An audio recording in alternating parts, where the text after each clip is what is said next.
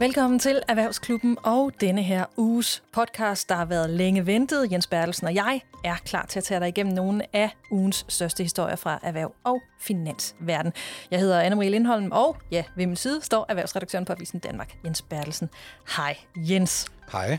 Huha, vi har haft en meget dejlig og meget lang sommerferie, var? Det er rigtigt, ja. Det er en skøn sommer, synes jeg. Både... Har, har du haft en god sommer? Ja, bestemt. Både herhjemme og lidt ude i Europa. Ja, vi har jo begge to besøgt øh, det græske. Ja. Jeg havde også fornøjelsen af, at jeg havde faktisk hele to uger i det græske, og så ellers bare en meget lang øh, nydning af den danske sommer. Det har været øh, skønt. Jens, vi, øh, vi lægger ud med at sige hej til, til endnu en gæst, nemlig øh, Per Fogh, aktieanalytiker fra Sydbank. Hej Per. Hej med Hey, du har haft mega travlt uh, i dag, fordi adskillige af dine virksomheder, som du sidder og kigger på, de har udgivet uh, regnskab um, i dag. Og en af dem er Ørsted, og vi vil gerne lige vende overskrifterne fra, fra det regnskab. Hvad, hvad går de på?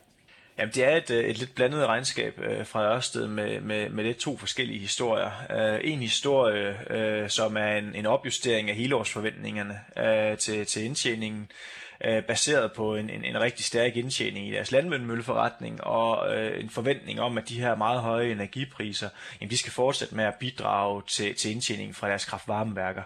Øh, til gengæld øh, må vi også sige, at, at de her meget høje energipriser, den, den energikrise, vi kigger ind i, et meget høj volatilitet, der er i energipriserne, jamen det, det betyder også, at, øh, at Ørsted har haft nogle ekstraordinære høje omkostninger i deres havvindmølleforretning øh, på, på, på cirka 1,1 milliard kroner i, øh, i, i, fjerde, eller, i andet kvartal her. Så, så, så, så på den måde øh, er de positivt påvirket de høje energipriser i, i, i deres onshore, i deres øh, BioEngine Others øh, forretning, men til gengæld rammer det dem relativt hårdt i deres øh, havvindforretning. Så, så lidt en, en, en, en todelt historie. Okay, men, men øh, altså, hvor todelt? Altså, er det, når, du, når du kigger på det her og lægger det hele sammen, er det, så, er det så mere negativt, end det er positivt? Ja, det er det i dag, øh, fordi den, øh, den effekt, som, som øh, de, de, den meget høje volatilitet i, i energipriserne har på, på havvindmølleforretningen på, på cirka 1,1 milliard kroner, det, det opvejer øh, noget øh, den, øh, den positive effekt, det har i de andre, i de andre dele af forretningen. Så, så generelt er det til den, øh, til den negative side der, og det er også øh, det, vi ser afspejlet i, øh, i, i aktiekursen her i dag. Per, den her klimaplan, som amerikanerne, eller det amerikanske senat øh, vedtog i weekenden, og som nu skal, skal gøres til lov på med 400 milliarder dollars og sådan noget, hvad giver det af muligheder for Ørsted sådan set, for, for dit øh, skrivebord skrivebord? Ja, men det, det er meget positivt øh, for Ørsted, i og med at vi også kigger ind i, at, at, at der skal lægges op til, til væsentligt flere havvindmølleparker, og, og så dels også øh, væsentligt flere landvindmøller. Øh, der er nok andre selskaber, som det rammer endnu øh, mere direkte ned i, blandt andet Vestas. Øh, men, men ikke desto mindre, så er det også positivt øh, for Ørsteds øh, stol af, at, at der bliver investeret så kraftigt i den grønne omstilling, særligt i, i USA, øh, som, som virkelig får løftet øh, forventningerne til, hvad der skal stilles op af havvindmøller i de kommende år. Øh, så, så det er også klart positivt for, for Ørsted. Altså i forbindelse med, med regnskaberne, så har vi to jo tidligere talt om Ørsteds sorte ben, altså den sorte del af Ørsteds forretning, øhm, og som Ørsted jo, i hvert fald, øh, Ørsted jo i hvert fald hidtil har tjent gode penge på. Øh, hvordan klarer den del af forretningen sig nu? Ja, det er rigtigt. Altså, den del af, af Ørsted, som, som et eller andet sted øh, drager nytte af de her meget høje energipriser, det er, det, det er selskabets kraftvarmeværker. Øh, og, og, og det er også øh, det, som bidrager til, til, til indtjeningen her i, øh, i andet kvartal, og også det, der ligger til grund for, hvorfor man er ude og opjustere helårsforventningerne til, til indtjeningen. Øh, så der er stadigvæk en, en, en, en, en, en rigtig sund indtjening fra, fra deres kraftvarmeværker, en lidt overnormal indtjening et eller andet sted, i hvert fald en indtjening, man ikke lige har set komme, øh, fordi det er ikke noget, øh, det, det, det er en, en form for elproduktion, som Ørsted ikke normalt øh, gør brug af, øh, fordi mm. det simpelthen ikke kan betale sig. Men med de her energipriser, vi ser pt., jamen der kan det betale sig, og så er det en, en, en måde ligesom at, at udnytte de, øh, de lidt højere energipriser, øh, som vi ser lige pt. Men det er jo egentlig helst ikke det, Ørsted gerne vil tjene penge på. Øh, men det lyder så også som om, at det ikke er en permanent indtjening på den her måde. Er det, er det, udgør det her en hovedpine for, for Ørsted? Nej, det mener jeg ikke, det gør. Altså, det beviser egentlig meget godt deres uh, fleksibilitet i deres forretningsmodel. Uh, de har en, øh, en, en havvindmølleforretning, som er stærkt subsidieret, som betyder, at indtjeningen alt andet lige burde være relativt øh, konstant øh, i den øh, del af forretningen. Øh, og så har de en, en, en, en bioengineer, som er sådan lidt mere, et, et, som vi også selv siger, et tredje ben, sådan lidt en, en gammel øh, historisk øh, del af forretning, som man nok et eller andet sted godt kunne tænke sig at komme af med, men som har vist sit værd i, i, i de her tilfælde, hvor øh, energipriser og meget høj volatilitet gør, at, øh, at havvindmølleforretningen kan være udfordret, øh, jamen så, så, så kan man øh, hente noget af det tabte hjem på, på den del af forretningen. Og det vil jeg så også forvente vil, vil, vil øh, være modsat, når vi begynder at se en normalisering af energipriserne, øh, og, og på den måde man ikke ser den overnormale øh, mulighed for indtjening i den del af forretningen, jamen så, så vil havvindmølleforretningen til gengæld være mere stabil igen. Så, så det viser egentlig meget godt sådan fleksibiliteten i deres forretningsmodel, øh, og har et eller andet sted også, øh, hvad kan man sige, øh, vist sit værd, at de har den her del af forretningen i deres øh, kraftvarmeværker. PFO, aktieanalytiker fra Sydbank. Tusind tak, fordi du tog dig tid på sådan en øh, regnskabstung dag til lige at være med her i øh, Erhvervsklubben. Det var så lidt. I går kom der nye tal for, hvor meget priserne er steget på fødevarer. Du øh, så sikkert godt, at alle overskrifter de satte en streg under, at priserne de slår nye rekorder. Men på fødevarebørserne, der ser det faktisk anderledes ud. Med os der har vi nu øh, Palle Jacobsen, der er analytiker hos øh, Agrocom. Hej Palle. Hej. Hvad er det for en udvikling, du ser på fødevarebørserne lige nu? Jamen altså, vi ser øh, priserne give efter på øh, en lang række fødevarer øh, med korn som det, der er faldet mest, men vi begynder også at se svaghedstegn på, øh, på mælken og mælkeprodukterne. Øh, omvendt må vi så også sige, at når det kommer til øh, kødet, altså især svinekødet, øh, så er vi nok ikke øh, færdige endnu. Men øh, på de andre øh, basisprodukter, som øh, kornprodukterne, ris og så videre, øh, Øh, og øh, på mælken, der er der ingen tvivl om, der er markedet i færd med at top. Øh, kornpriserne er faktisk lige frem ved at falde. Men det er jo ikke noget, vi mærker meget til herhjemme, i hvert fald ikke for forbrugerne, vel? Altså, hvorfor er det, vi ikke ser bare et lille prisfald på, på fødevarer i, øh, i Europa?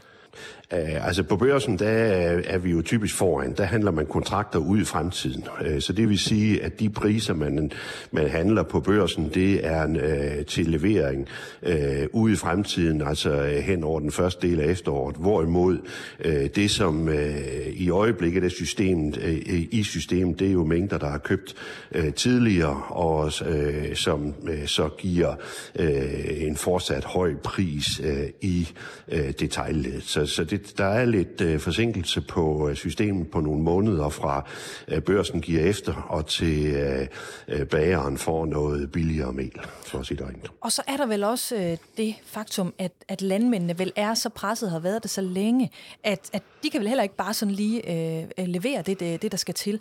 Kan du ikke lige prøve at sætte på, på hvad det, er for, hvad det er for en situation, der er i forhold til landmændene?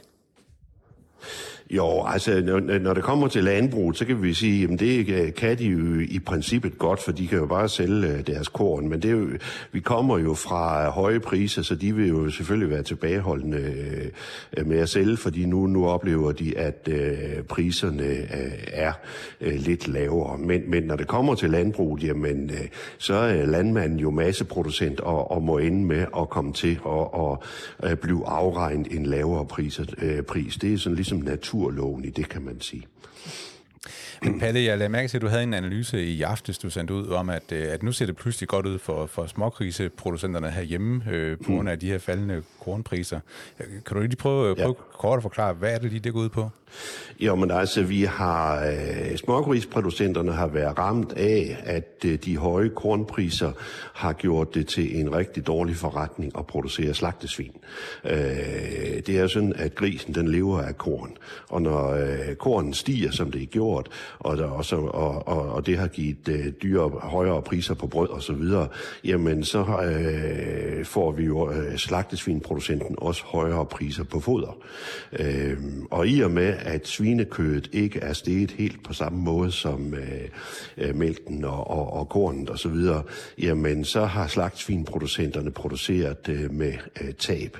Øh, især i øh, øh den tyske slagtsvinproduktion har vi set en stor øh, opbremsning opbremsning, hvor man så ikke har vi øh, købe smågris og sætte ind i øh, stallene øh, for at fede dem op, men i stedet for har valgt at lade stallene stå tomme, og så har de tænkt, nå jo, men korn, det koster jo rigtig mange penge, så i stedet for at give grisene det, så tømmer vi stallene, og så sælger vi korn til markedet.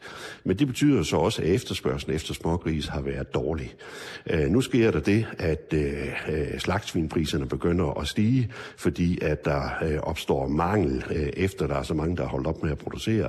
Og samtidig, når kornpriserne falder, jamen så sidder, sætter hvad her det, slagsvinproducenten tilbage og tænker, nå jo, men nu kan jeg få noget mere for kødet, og til gengæld kan jeg også se, at jeg kan sælge kornet øh, øh, billigere. Altså det vil sige, at det tjener ikke så mange penge på, så nu kunne det godt være, at jeg skulle fylde stallen igen, og i stedet for at sælge korn, så skulle øh, give det til øh, grisene i stedet for. Ja. Og det øger jo så efterspørgselen efter smågris. Ja, fordi hvad vil det her ende med at betyde for landmændene, hvis det er den udvikling, vi rent faktisk øh, ser? Altså vil, vil, det, vil det betyde, at det her system, som er, er jo altid lidt, øh, lidt presset, det vil begynde at bløde op inden for en relativt kort tid, eller er det på den lidt længere bane? Ja, men det vil bløde op øh, nu, når den nye høst den, øh, den kommer til rådighed. Øh, vi kan sige, at hen over foråret og den første del af sommeren, øh, der øh, øh, svineproducenter, altså mælkeproducenterne har haft øh, et, et godt halvår. Det har øh, kornproducenterne også. Men svineproducenterne har haft et katastrofalt halvår, og de er styrt bløde, øh, blødt hen over foråret og, og den første del af sommeren. Øh, nu kommer den nye høst, og og de begynder at, at, at nærme sig et, øh, et nulpunkt i og med, at øh, kornpriserne er lavere og foderpriserne er lavere. Øh, og får yderligere fald, og det ser det ud til, jamen så kommer de i plus. Og samtidig så har den her styrtblødning jo gjort, at der er en del svineproduktion, der er lukket ned, og ubuddet af svinekød er faldet. Og det var også derfor, jeg sagde før, at forbrugeren skal egentlig ikke forvente, at svinekødet kommer til at falde. Nok nærmere tværtimod. Øh, og det er jo simpelthen, fordi nu har vi et mindre udbud af, af svinekød, og det vil kunne få priserne til at øh, stige øh, i det næste halvårs tid øh, på, øh, på øh, svinekød. Så, så, så svineproducenterne øh, kommer fra en, en katastrofal situation til øh, og, og er i nul nu, og øh, kan måske lige frem komme til at tjene penge i den sidste halvdel af 2022. Men hvis vi så parkerer de her kødproducenter, altså svin og okser osv., så kigger på nogle af de andre fødevaregrupper, ja. hvor, øh, som vi jo indledte i hvert fald med at, med at sige, at der, der styrtdykker priserne, mm. i hvert fald på fødevarebørserne. Altså, hvornår forventer du, at forbrugerne ja. i Danmark, og vel i virkeligheden også resten af Europa, kommer til at mærke den her nedgang i fødevarepriser på, på de her målgrupper, som ikke er kød? Ja, men det tror jeg, det var længe, hvis de i det hele taget kommer til at mærke det. Hvorfor? Øh, og jamen, det har jo noget at gøre med, øh, altså priserne er jo gået hurtigt i vejret, og det handler jo om, at øh, vi mennesker, vi er jo indrettet sådan, at øh, det vi synes er ubehageligt, øh, det forsøger vi at undgå. Altså hvis, hvis, hvis, hvis det regner, så løber vi i tørvejr. Hvis vi brænder fingrene på kogepladen, så skynder vi os at trække fingrene til os. Omvendt, det vi synes er dejligt, det øh, vil vi gerne være i. Hvis vi øh, ligger ud i solen, så siger vi, ah, hvor er det dejligt og øh, på samme måde, når, når øh, hvad her det, øh, øh, fødevare, øh, øh, dem der forarbejder fødevarene, øh, skal betale højere priser for fødevarene ud i øh, landbruget, og skal sælge dem videre til forbruget, forbrugerne, jamen hvis de ikke øh, sætter priserne op, så tager de penge, og det er ubehageligt. De skynder sig at løbe tørvejr, altså de øh, hæver priserne, og så kommer vi til at se hurtigere prisstigninger i butikkerne.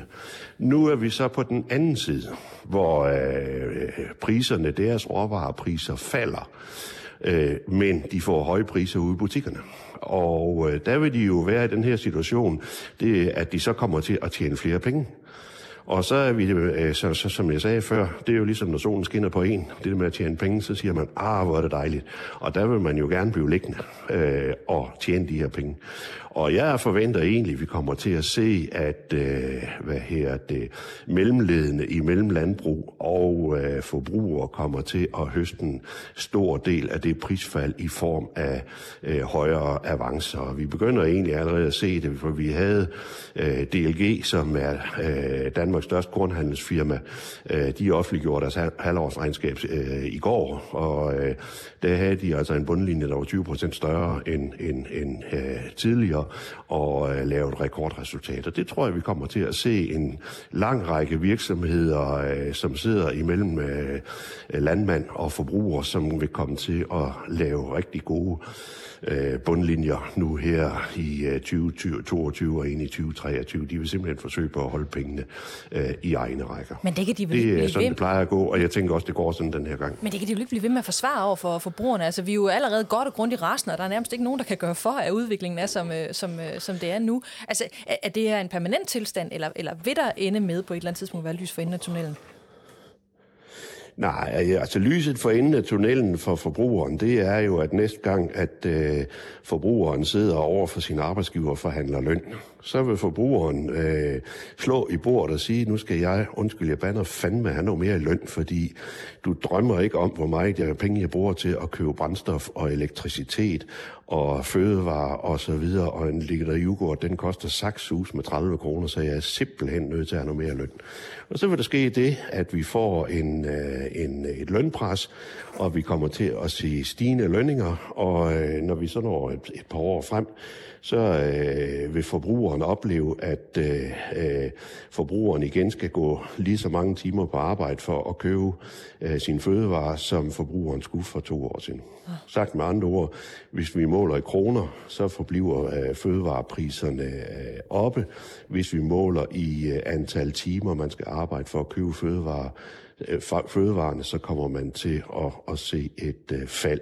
Øh, øh, så, så, så, så det er egentlig den måde, det kommer til at regulere sig på. Det synes jeg ikke var særlig opløftende, Palle. Vi skal vende os til priser på 25-30 kroner for en pakke smør. Jamen, jeg skal da ikke kunne sige, om det kan falde, falde en smule, men, men, men vi, snakker jo, øh, vi snakker jo prisfald på børserne på 30, 30 procent har vi allerede set, 25 procent har vi allerede set på kornet, ikke? Øh, på den vegetabilske olie, der er vi over 30 procent nu. Øh, mæreriprodukterne kunne meget nemt falde med, med 30 procent. Og jeg tvivler meget stærkt på, at vi kommer til at se så store øh, prisfald i butikkerne. Det, det må jeg sige. Det, det tror jeg simpelthen på. Palle Jacobsen, analytiker hos Arkocom. Tusind tak, fordi du var med i Erhvervsklubben i dag. Velbekomme. Onsdag landede Vestas et øh, overraskende faktisk negativt kvartalsregnskab. Den danske vindmøllegigant går nemlig markant tilbage på både omsætning, øh, ordretilgang og resultat i et, ja, jo i virkeligheden også udfordrende kvartal. Men øh, til gengæld så har Vestas formået at hæve prisen med mere end en femtedel for de møller, som de har solgt. Med os har vi nu øh, Per Hansen, der er aktieanalytiker hos Nordnet. Hej Per. Hej igen. Altså vi så jo det her overraskende negative regnskab. Hvad blev du mærke i? Jeg synes sådan set ikke, at regnskabet som sådan er meget overraskende eller meget negativt. Hvis man prøver at kigge på vindmølleindustrien, så vil jeg stadigvæk øh, karakterisere Vestas som, som den bedste dreng i den dårligste klasse. Øh, og det er fordi alle vindmølleproducenterne er udfordret. Vi har set regnskaberne fra Siemens Gamesa. Øh, vi ser Øh, GE i USA. Vi ser generelt set, at alle selskaberne de slider med indtjeningen, fordi de øh, i lang række hensener, jamen så har de taget nogle ordre ind fra tiden før nedlukning, før inputfaktorerne gik amok. Så jeg synes jo selvfølgelig, ligesom alle andre, at når man kigger på regnskabet, så skuffer det på en lang række punkter en lille smule. Jeg vil kalde det let skuffende, men jeg vil ikke kalde det nogen meget stor negativ overraskelse, fordi det er nogle gange sådan, som det er. Alle taler om den grønne omstilling, men udfordringerne de er, at forudsætningen for, at man skal tjene penge på den grønne omstilling, når man hedder Vestas, de er ikke særlig gode. Og så er jeg bare nødt til at sige, jeg synes, det lyder meget hult, når det er sådan, at politikerne de snakker om, hvor vigtig den grønne omstilling den er. Læg nu pres på beslutningstagerne og sørg for, at selve processerne de går meget mere i smult vande, end tilfældet egentlig er. Det tog politikerne otte dage at finde ud af, at vi skulle hæve øh, forsvarsudgifterne til, B, til 2% af BNP. Mm. Spørgsmålet er, om det ikke burde tage 8-14 dage at sætte den her proces på skinner. Ja, fordi det er selvfølgelig også med til at spænde, øh, til at, øh, til at spænde ben. Apropos det, altså, så er det jo, du er selv inde på flere konkurrenterne til, til Vestas. Det er et meget konkurrencepræget øh, marked, og de slider og de slæber for at, at komme i mål med bare øh, ja, selv de mindste resultater. Men alligevel så er det jo så lykkedes Vestas at hæve prisen for de møller, de har solgt. Altså, hvordan kan det egentlig være, at de har haft held til det? Jamen det tror jeg simpelthen, det er markedslederens lod. Det er den største aktør, den største udbyder, der skal gøre det, skal gå foran. Og det der jo er udfordringen, når man er en børsnoteret selskab, hele tiden skal aflægge nogle regnskaber, hvor man fortæller, konkurrenter, som i øvrigt også i langt stykke hen ad vejen jo også er børsnoteret, fortæller konkurrenterne, hvordan situationen den er, jamen så er der en gang imellem, så er man nødt til at sige, jamen profitabiliteten, den er ikke til stede. Vi tjener ingen penge. Vi skal have genetableret det at tjene penge, for ellers har vi ikke muligheden for at bidrage til den grønne omstilling og tage flere og nye ordre ind. Så på kort sigt så gør det her ondt, fordi i har jo også, og investorerne har jo også, analytikere har jo også måttet se med til, at første halvår, jamen der er ordreindgangen, den er skuffende. Og det er fordi Vestas, de gør det, som deres konkurrenter kommer til at sande er uundgåeligt de kommende kvartaler, nemlig at sætte priserne op. Og på kort sigt, jamen der er det sådan, markedslederen, som går foran, jamen de er nødsat til at tage nogle af de kursknops, der er på kort sigt, hvor de er nødt til at sige, ja, lidt færre ordre, til gengæld lidt mere profitabilitet langsigtet. Men Per, når nu det var sådan den eneste gode nyhed, at, at Vestas kan tage mere for en, en vindmølle, altså kan du så forklare, er det, er det kun de ekstra omkostninger ved at producere møller nu, altså materialer og logistik og alt det her, som, som de kan vælte over på kunderne? Eller har de også vist, at de kan øge deres, deres margin, så investorerne sådan på en lang bane kan stole på, at, at vindmøller giver et, et stærkt øh, afkast, og at Vestas kan blive sådan en rigtig øh, pengemaskine? Altså hvis jeg skal svare sådan meget firkant på det, så kan man vel egentlig sige, at øh, svaret det flagrer lidt i vinden, for det bedste har jo ikke dokumenteret, at de kan gøre det. Så det her, det handler jo meget om den fine kunstart, der hedder forventningerne, om man kan overbevise investorerne om, det bliver sådan. Hvis man kigger fem år ud i tiden, så bør det være sådan, at verden bliver grønnere. Øh, europæiske politikere snakker meget om uafhængighed af den russiske naturgas, og vi har lige set nogle amerikanere, som fremlægger og har fået stemt et forslag igennem senatet, som også senere kommer igennem det andet kammer, der hedder øh, grøn omstilling, mere støtte til nogle af de øh, til, til den grønne omstilling. Så derfor øh, så vil jeg sige, nej, de har ikke dokumenteret, at de kan det. De har ikke sandsynliggjort, at det vil ske, og på kort sigt så sker det ikke men det vil være mærkeligt, hvis det ikke sker ad år over tid, at man kommer til at se, at Vestas kommer til at lande rigtig mange flere ordre, formentlig fra med 2023, med en indtjeningsevne, som jo skal op i nærheden af det, som Vestas har som ambition, og så vidt jeg husker, så er det fra 2025 og frem efter en EBIT-margin på 10%. Og der er det da fuldstændig klart, som I siger, hold da fast, der skal man godt nok have nogle briller, som er meget stærke, for at kunne se, at de kan levere det, når vi så i går, at de snarere laver sådan en negativ EBIT-margin på noget, der ligner minus 4%, og så lidt ringere, og holder fast i årets forventninger om 0 til minus 5. Jamen, det er måske også derfor, jeg kigger lidt på det der amerikanske marked, og bliver sådan lidt bekymret i forhold til, for jeg kan godt se, at der er mange, der sætter deres lid til, jamen, der kommer de til, om ikke andet så, er over til at, at hente en masse. Men men er det virkelig sådan, at, det, at markedet tegner sig, at Vestas vil kunne komme ind og hente det, de i virkeligheden mangler på det amerikanske marked? Altså udgør det virkelig så stor en, en mulighed, som det er, er sat op til at være lige nu? Altså, jeg ved, ikke, øh, jeg ved ikke, om det udgør så stor en mulighed. Håbet er jo lysegrønt, både for så vidt an den grønne omstilling, og også med hensyn til investorerne, når de ser de muligheder, der ligger langt ude i fremtiden. Jeg tror jo ikke, der er ændret ved, at Vestas er markedsleder. Det tror jeg heller ikke, der er ændret ved de næste 3-5 år. Øh, og jeg tror heller ikke, der er ændret ved, at verden den skal være mere grøn, og den skal være uafhængig af nogle energiformer, hvor man kan sige, at på den ene side, jamen så er det jo Rusland, på den anden side, så er det jo også et Mellemøsten, hvor vi vel har den generelle opfattelse af, at deres opfattelse af menneskerettigheder ikke sådan helt flugter med det, som vi tror på, på vores breddegrad. Så jeg kan simpelthen ikke sætte mig ind i, at man ikke, hvis man skal være troværdig som beslutningstager, øh, kan tegne et billede af en fremtid, som ikke er meget mere grøn. Og det er, er det altså, mm. at det er markedslederen, som bør have de bedste forudsætninger. Øh, en af udfordringerne, det er simpelthen bare, at selve projekterne, det tager så ufattelig lang tid øh, at komme i gang med at komme videre. Det er altså noget af det, som politikerne, de kan formentlig hjælpe med at speede op på. Okay. Hvad hedder det? Vi er lige nødt til at vende Vestas-aktien. Øh, for det første skal vi lige vende, hvad der er sket hen over sommeren, fordi der, øh, der har den jo også øh, taget trukket overskrifter. Men, men der var også det i går, ikke? at, at okay, lidt skuffende regnskab, og så alligevel så stiger, stiger aktien. Kan du lige sætte et par ord på, hvad, hvad er det, der er sket hen over sommeren, som så kulminerer på en eller anden måde i, i går? Ja, hvis man kigger hen over sommeren, så vil man finde ud af, at Vestas det er jo en aktie, der reagerer tonstungt eller ekstremt opportunt på den nyheds, der kom, nyhedsstrøm, der kommer på dagen. Så hvis vi så for et par uger siden, jamen der var der forventninger om, rygter om, at amerikanerne vil vedtage sådan en støttepakke, så stiger aktien ret markant. På den dag, hvor den så bliver stemt igennem senatet, der falder den 5-7 procent. Det er det gamle mundhæld om buy on rumors og sell on facts. Så jeg kan godt forstå, at alle dem, der står udenfor, de undrer sig lidt over, hvad det er for en virkelighed. Og så er det jo altså vigtigt at minde sig selv om, at på aktiemarkedet, så det, der sker i dag, det var det, som investorerne de kiggede på for to til fire til seks måneder siden. Det, der sker øh, i slutningen af året, det er det, som investorerne de begynder at indstille sig på nu. Så aktiemarkedet er en størrelse, hvor hvis det havde været et 110 meter hækkeløb, så var man notorisk altid blevet dømt for 20 start.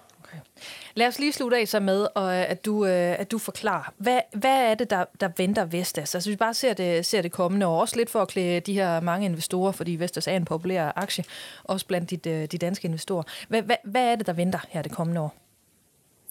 Jamen det, der venter Vestas, det er en langsom genopretning af ordreindgangen, øh, og formentlig den gode cocktail, der kommer, når det er sådan, at den ordreindgang, de får de næste et til mange år, den bliver til væsentligt højere priser. Og samtidig skal der jo gerne ske det, at de inputfaktorer, man har, øh, det der går med ind, de komponenter, der går med ind til at producere en vindmølle, de komponenter, der går ind til øh, at transportere den rundt øh, og sætte den op på forskellige sites, at vi der kommer til at se et, at priserne øh, de stiger en hel del per megawatt, samtidig med, at vi ser en normalisering af inputfaktorerne. Fordi det er jo sådan, at hvis du får mere for din vare, og du skal betale mindre for at købe dem hjem, så er det jo det, der skal være med til at normalisere den indtjeningsmargin, du har. Øh, også selvom 10% indtjeningsmargin fra med 2025, som jeg stadigvæk regner med, at Vestas har i tankerne, det ser ud som om, den er, det er noget ude i horisonten. Så investorerne de skal indstille sig på, der bliver stadigvæk masser af kursudsving. Der bliver stadigvæk snakket alt for meget om grøn omstilling i forhold til de konkrete handlinger.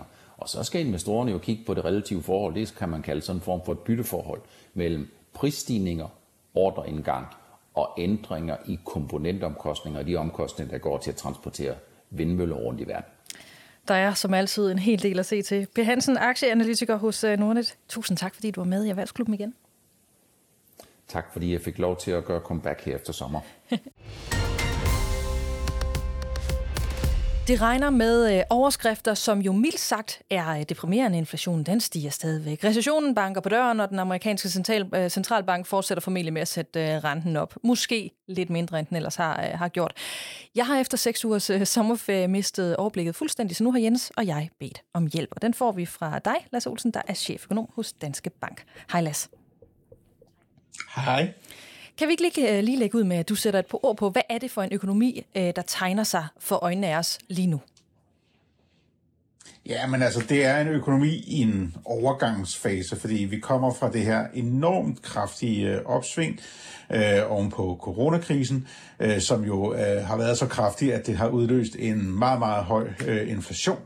Øh, og derfor så øh, er det øh, absolut nødvendigt at øh, få afdæmpet øh, opsvinget, og det kommer så også til at ske, regner vi med. Øhm, sådan så at øh, inflationen kan komme ned igen, men desværre nok også sådan, så vi får en, øh, hvad skal man sige, form for krise eller recession, eller hvad man nu vil kalde det for, hvor man i hvert fald oplever sådan en nedgangsperiode, og øh, også med stigende arbejdsløshed. Det er ikke en dyb øh, recession eller krise, vi ser for os. De sidste to øh, kriser, vi har haft, øh, det er jo så finanskrisen og coronakrisen, de har været ekstreme og, og meget, meget dybe. Vi forestiller os mere sådan en øh, afmatning, som man har set det øh, så mange gange før i historien, hvor vi altså snakker i øh, en periode på måske øh, et års tid eller to med øh, sådan øh, moderat stigning i arbejdsløsheden, øh, vanskeligheder øh, for nogle typer af virksomheder, øh, i specielt de lidt mere øh, konjunkturfølsomme brancher, men altså øh, det er nok desværre øh, udgangen på det, når fordi øh, ja, inflationen jo altså er så høj, som den er. Men hvorfor er det, vi kan udelukke, at den her recession, som øh, jo så kommer, at den, at den bliver øh, hård eller, eller langvarig? Altså, hvordan kan du udelukke, udelukke det allerede nu? Jamen, det kan jeg bestemt heller ikke udelukke, fordi uh, det, vi er jo i et, uh, desværre jo i et meget, øh, altså det, forudsigeligheden er ikke uh, særlig stor i øjeblikket, og det er jo fordi, når man prøver på at forudse, hvad der sker i en økonomi, så foregår det jo grundlæggende ved, at man siger, når man står i sådan en situation som nu, hvad plejer der så at ske? Det kan man jo så gøre med sådan statistiske metoder og sådan nogle ting, så, så det er sådan lidt mere sofistikeret, men, men, men altså det er sådan, det virker, og plejer at ske. Altså, det, det er jo ikke, der er vi altså langt fra noget, vi plejer. Lige plejer er ved at være død. Øhm, ja, det må man nok sige, fordi vi jo netop, øh, og det hænger jo meget sammen med, at coronakrisen var så speciel, som den var. Øh, det der med at, at, at få sådan en genåbning øh, oven på sådan en, en type krise, det, det er jo noget, hvor vi virkelig føler os frem øh, og, og, og ser det, som det kommer. Samtidig med det her med også at, at komme fra en situation, hvor, hvor renten er negativ, øh, og, og så øh, den skal, øh, vi skal til at have en form for normalisering, altså renteforhold igen. Jamen, det har vi altså heller ikke rigtig nogen øh, erfaring med, og det kan også godt spille nogle store pus. Så, så nej, desværre ikke. Men det, som, som gør mig, øh, som alligevel gør, at jeg tror på, at det ikke bliver øh, sådan en dyb øh, krise, det er fordi, øh, hvis man ser på, hvad der ligesom skaber øh, problemerne, øh, jamen så for, for eksempel tager sådan noget som øh, finanskrisen. Jamen altså, et, og forud for den, så så vi det der enormt, øh, enormt store øh, sådan overforbrug, kan man sige. I hvert fald, hvor, hvor forbruget og investeringerne virkelig var drevet af øh, en eksplosion i, i låntagning, øh, og, øh, og som, som under andre omstændigheder ikke kunne fortsætte. Og når så man får sådan en opbremsning på det, og man lige pludselig får, jamen du kan ikke blive ved med at forøge øh, gælden øh, hvert år i, i det der høje tempo. Jamen, det giver, så giver det bare sådan en meget stor tilbagegang i aktiviteten øh, fra det, fra, næsten fra det ene øjeblik til det andet. Og det, og det ser vi jo altså ikke nu, og det har vi ikke set øh, ligesom, øh, op til det her opsving. Det her opsving har været meget mere drevet af Jamen øh, simpelthen øh, genåbning, og øh, at, øh, at der er så mange penge i omløb, øh, mere end, end sådan en, en stor gældsvækst. Øh. Og det gør også, hvis man også ser på historien, at, at jamen, så er risikoen for, for det der meget alvorlige tilbagesæt, den er også bare mindre. Men altså, det er ukendt farvand. Altså en af de ting, vi har talt rigtig meget om, øh, er jo inflationen, hvordan den bare er ja, stukket fuld, øh, fuldstændig af. Og jeg hørte dig sige, at der er mm. meget, der tyder på, at det skal vi nok få styr på. Men nu har vi faktisk tidligere i programmet talt med Palle Jacobsen, der er analytiker hos øh, Akrocom. Og han forventer faktisk, at især på, på fødevare, altså der er, det, der er det næsten for dejligt for alle dem, der, der producerer og distribuerer alle de her fødevarer. Altså der, hvor de ligger lige nu, hvor priserne på råvarebørserne i hvert fald begynder at, at falde. Og så nu begynder de jo endelig at tjene mm. penge. Så han forudser faktisk ikke, at i hvert fald fødevare indgår, at det vil, at der vil være en helt stor hjælp at, at hente der. Nu ved jeg jo godt, det er ikke sådan specifikt er noget, du beskæftiger dig med, men, men, men, men er der ikke den øh, risiko, at når priserne først er kommet op, altså så er der vel grænser for, hvor langt de kan komme ned igen? Ja, men det er heller ikke nødvendigt for at få stanset inflationen. Altså, det, man skal lige holde tungen lige i munden, ikke? fordi inflationen er jo, er jo øh, prisstigninger, så hvis inflationen skal blive ved, så skal priserne blive ved med at stige voldsomt. Hvis de ja. bare bliver liggende på det her høje niveau, de har, så stopper inflationen jo. Så er vi bare, og, og det er det, øh, der er det, der, som er, er, er det, vi forestiller os kommer til at ske, og okay. det, som de fleste også gør. Det er ikke, at vi får en periode med, med deciderede store prisfald. Det kan det selvfølgelig godt være på nogle områder. Øh, der er jo allerede betydelige prisfald. For eksempel benzin er jo blevet betydeligt billigere, end det var for øh, et par måneder siden. Men altså, øh, øh, grundlæggende set er det ikke det, vi ser for os. Og det hænger også sammen med, altså det er også, hvis man ser på historien, så har vi perioder med høj inflation, med lav inflation øh, osv., men, men sjældent øh, direkte prisfald. Øh, og man kan også se det på den måde, Øh, altså forud for coronakrisen havde vi jo en meget, meget lang periode med meget lav inflation. Og faktisk, øh, hvis man nu sagde, jamen den normale inflation er 2% om året, Øh, ja, altså, hvis den havde været 2% om året siden 2013, så ville vi have et højere prisniveau, end vi rent faktisk har okay. nu, selv med den inflation, der har været. Mm. Så det siger også lidt om, at øh, nogle af de der udsving, øh, jamen, øh, det, det er ikke nødvendigvis sådan noget, der skal genoprettes øh, i form af, af nye fald. Så desværre øh, må man også sige på den måde, der er jo ikke udsigt til, at, øh, at man så får, får alt det igen, og alting kommer tilbage til de gamle priser. Der er bare udsigt til, at øh, når vi så får lønstigninger i fremtiden, jamen så, så vil det så også reelt set være, at vi kan købe noget mere, i stedet for som nu, hvor vi alle sammen bare bliver fattigere. Mm. Ja, der er også den her historie, der er ude i den her uge med, med de mange 100.000 lejere, der får huslejestigninger nu, fordi det følger øh, inflationen. Og når så huslejen er sat op, så er det jo nok det samme, du, du siger, den bliver ikke lige øh, sat ned i, igen.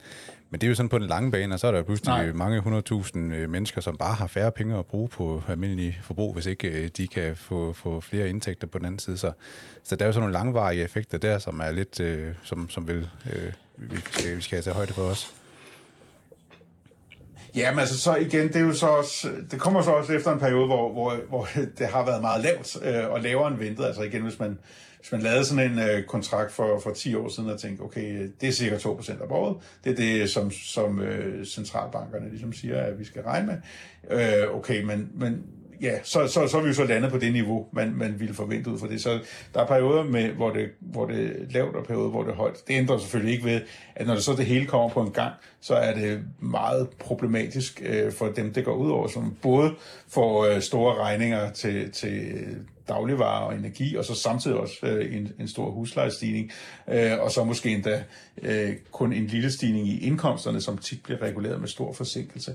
Men altså, øh, det, det er jo øh, det er jo altså det, det er jo en konsekvens af, af systemet og at det grundlæggende problem som jo som jo er at øh, at inflationen jo bare er, er kommet så højt op. Og det ja altså øh, det hænger jo meget sammen med igen at coronakrisen øh, opførte sig anderledes end man havde håbet på. Altså specielt det her med at vi her det er jo over to og et halvt år siden, at øh, vi ligesom blev ramt af corona, men altså, vi har jo stadig, den har stadigvæk øh, klart præg på økonomien på den måde, at øh, der er produktion, der ikke rigtig er, er tilbage, øh, og at øh, jamen der er også, altså hvis man for eksempel tager arbejdsmarkedet i USA, eller også mange andre steder for, for den sags skyld, så er der jo stadig en masse mennesker, der er ligesom røget ud af arbejdsmarkedet under corona, som til synligheden ikke er kommet tilbage igen.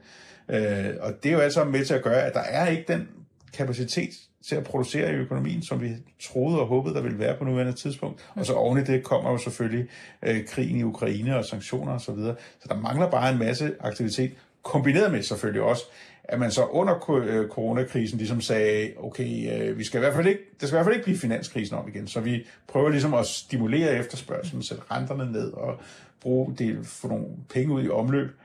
Og altså, øh, jamen, øh, så sagde man så, jamen, vi ved ikke, om det er det rigtige at gøre, men altså, øh, hvis ikke vi gør det, så risikerer vi sådan en ny finanskrise og en langvarig arbejdsløshed. Hvis vi gør det, ja, så risikerer vi jo så bare en periode med høj inflation. Det vil vi helt have risikeret. Okay, men det var så det, der er kommet nu. Men nu siger du lige selv, at renterne og renterne skal, skal ned. Altså mens vi går og hygger os med den her recession lige om lidt, hvor forudsætter du så, at, at renterne de kommer til at ligge hen? Hvad, hvad bliver udviklingen der? Ja, altså øh, renterne, det, det kommer lidt på, hvad det er for nogle renter, øh, man snakker om, fordi øh, de korte renter, de er selvfølgelig på vej opad. Øh, vi har jo indtil videre øh, i, fra den europæiske centralbank, og dermed også i Danmark, jo altså kun fået en renteforholdelse, øh, godt nok en stor en på et halvt procentpoint, men altså vi har jo for eksempel stadigvæk øh, negative renter i Danmarks Nationalbank. Øh, og øh, det er klart, at de skal længere op. Øh, det, det ligger fuldstændig øh, ja, lige for, og, og, og det vil så være en proces, der kører indtil man så når det punkt, hvor man kan sige, at øh, nu er det tydeligt, at inflationen er på vej ned igen, øh, og øh, det kan jo så for eksempel være udløst af, at der så også øh, er en mere, altså en økonomisk krise, der begynder virkelig at brede sig i Europa, øh, mere end, end vi ser nu for eksempel også med højere arbejdsløshed. Hvor øh, det vendepunkt lige præcis er, det er selvfølgelig rigtig, rigtig svært at sige, øh, men øh, vores forventning er egentlig, at det ikke vil komme så højt op. Altså vi vil ikke nå at få renterne så højt op i Europa før, end at det, det er på tide at stoppe med forholdelserne, så måske omkring øh, et procentpoint øh, mere, øh, mm. end, end vi har nu. Øh, noget i den retning. Det er jo så, hvis man i virkeligheden er det jo tit ikke den der helt korte bankrente, der er det mest interessante. Det, kan det, det er det jo selvfølgelig for øh, for nogen, men, men øh, når man skal ud og købe hus, øh, Øh, så er det jo altså øh, tit de 30-årige renter, eller måske øh, de lidt øh, 2- og 5-årige, og sådan nogle renter, flekslånsrenter, som, som, øh, som er interessante. Øh, de er jo allerede steget meget øh, i forventning om netop, at der vil komme de her rentestigninger. De er så også faldet igen øh, sådan en hel del herhen, og det er jo det, der er sket hen over sommeren. Det er mange af de her lange renter er faldet, og det er lige præcis fordi, øh, selvom inflationen bliver ved med at være meget høj og også øh, højere end ventet, jamen så, øh, så øh, kan man se de her tegn på, at der kommer altså en form for økonomisk afmatning, øh, formentlig i løbet af næste år, og det vil så betyde, at, øh, at renteforholdene går i stå, og det er jo det, markedet er begyndt at, at tage hensyn til. Så når du spørger, hvor renterne skal hen, jamen de korte renter, de skal højere op, men de lange renter, de skal ikke nødvendigvis højere op. Det, det, det, er sådan set ikke, det tror jeg sådan set ikke, de, de faktisk øh, skal. Det var sådan set øh, et godt sted at stoppe, fordi det var på en eller anden måde noget lyst og noget rart i forhold til hele den her økonomiske situation. Lasse øh, Olsen, cheføkonom hos Danske Bank. Endnu en gang tusind tak, fordi du var med i øh, Erhvervsklubben. Selv tak. Her på øh, falderæbet øh, af podcasten, så skal vi lige øh, vi skal tage en historie, jeg stødte på i mandags, hvor overskriften indikerede, at staten har bygget en øh, tunnelfabrik, groft sagt, til 5 milliarder kroner, som nu skal rives ned. Og Jens, det her det var jo ikke en, øh, det var ikke en aprilsnak. Kan du ikke lige, hvad er det, den her historie den går ud på? Jamen, det er så et godt eksempel på en historie, som, som lyder fuldstændig vanvittig, ja. og så når man sætter sig ind i det, så er der måske en vis øh, logik i det. Altså, det er jo fordi, når man skal bygge en 18 km lang tunnel fra Danmark til Tyskland på, på Femern-forbindelsen, ja, så, så har staten altså bygget den her fabrik i Rødby Havn til 5 milliarder kroner, der skal støbe elementerne til, til den her tunnel. Og ifølge anlægsloven, så skal den fabrik altså fjernes igen, når Femern står klar. Øh, det gør den forhåbentlig i 2029 efter planen. Øh, men altså, det lyder jo lidt voldsomt. Det, det er tre fabrikshaller. Den ene er 240 meter lang.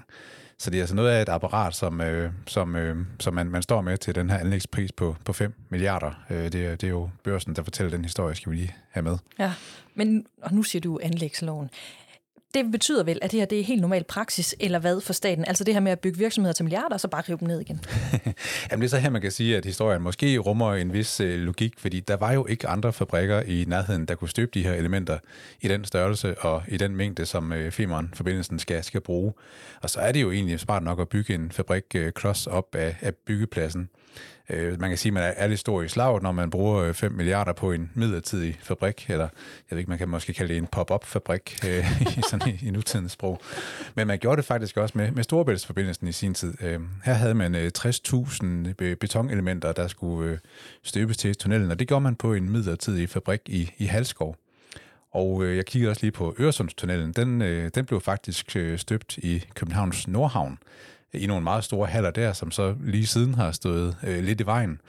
Men øh, jeg kunne se, at her i, i juni i, i år, der vedtog øh, borgerrepræsentationen i København faktisk, at øh, tunnelfabrikken, som, som det så hedder, at øh, det kan så omdannes nu til sådan et stort øh, koncert- og kulturhus og restauranter og alle mulige andre ting. Ah, okay, så man får noget ud af den, øh, af den bygning i ja. hvert fald.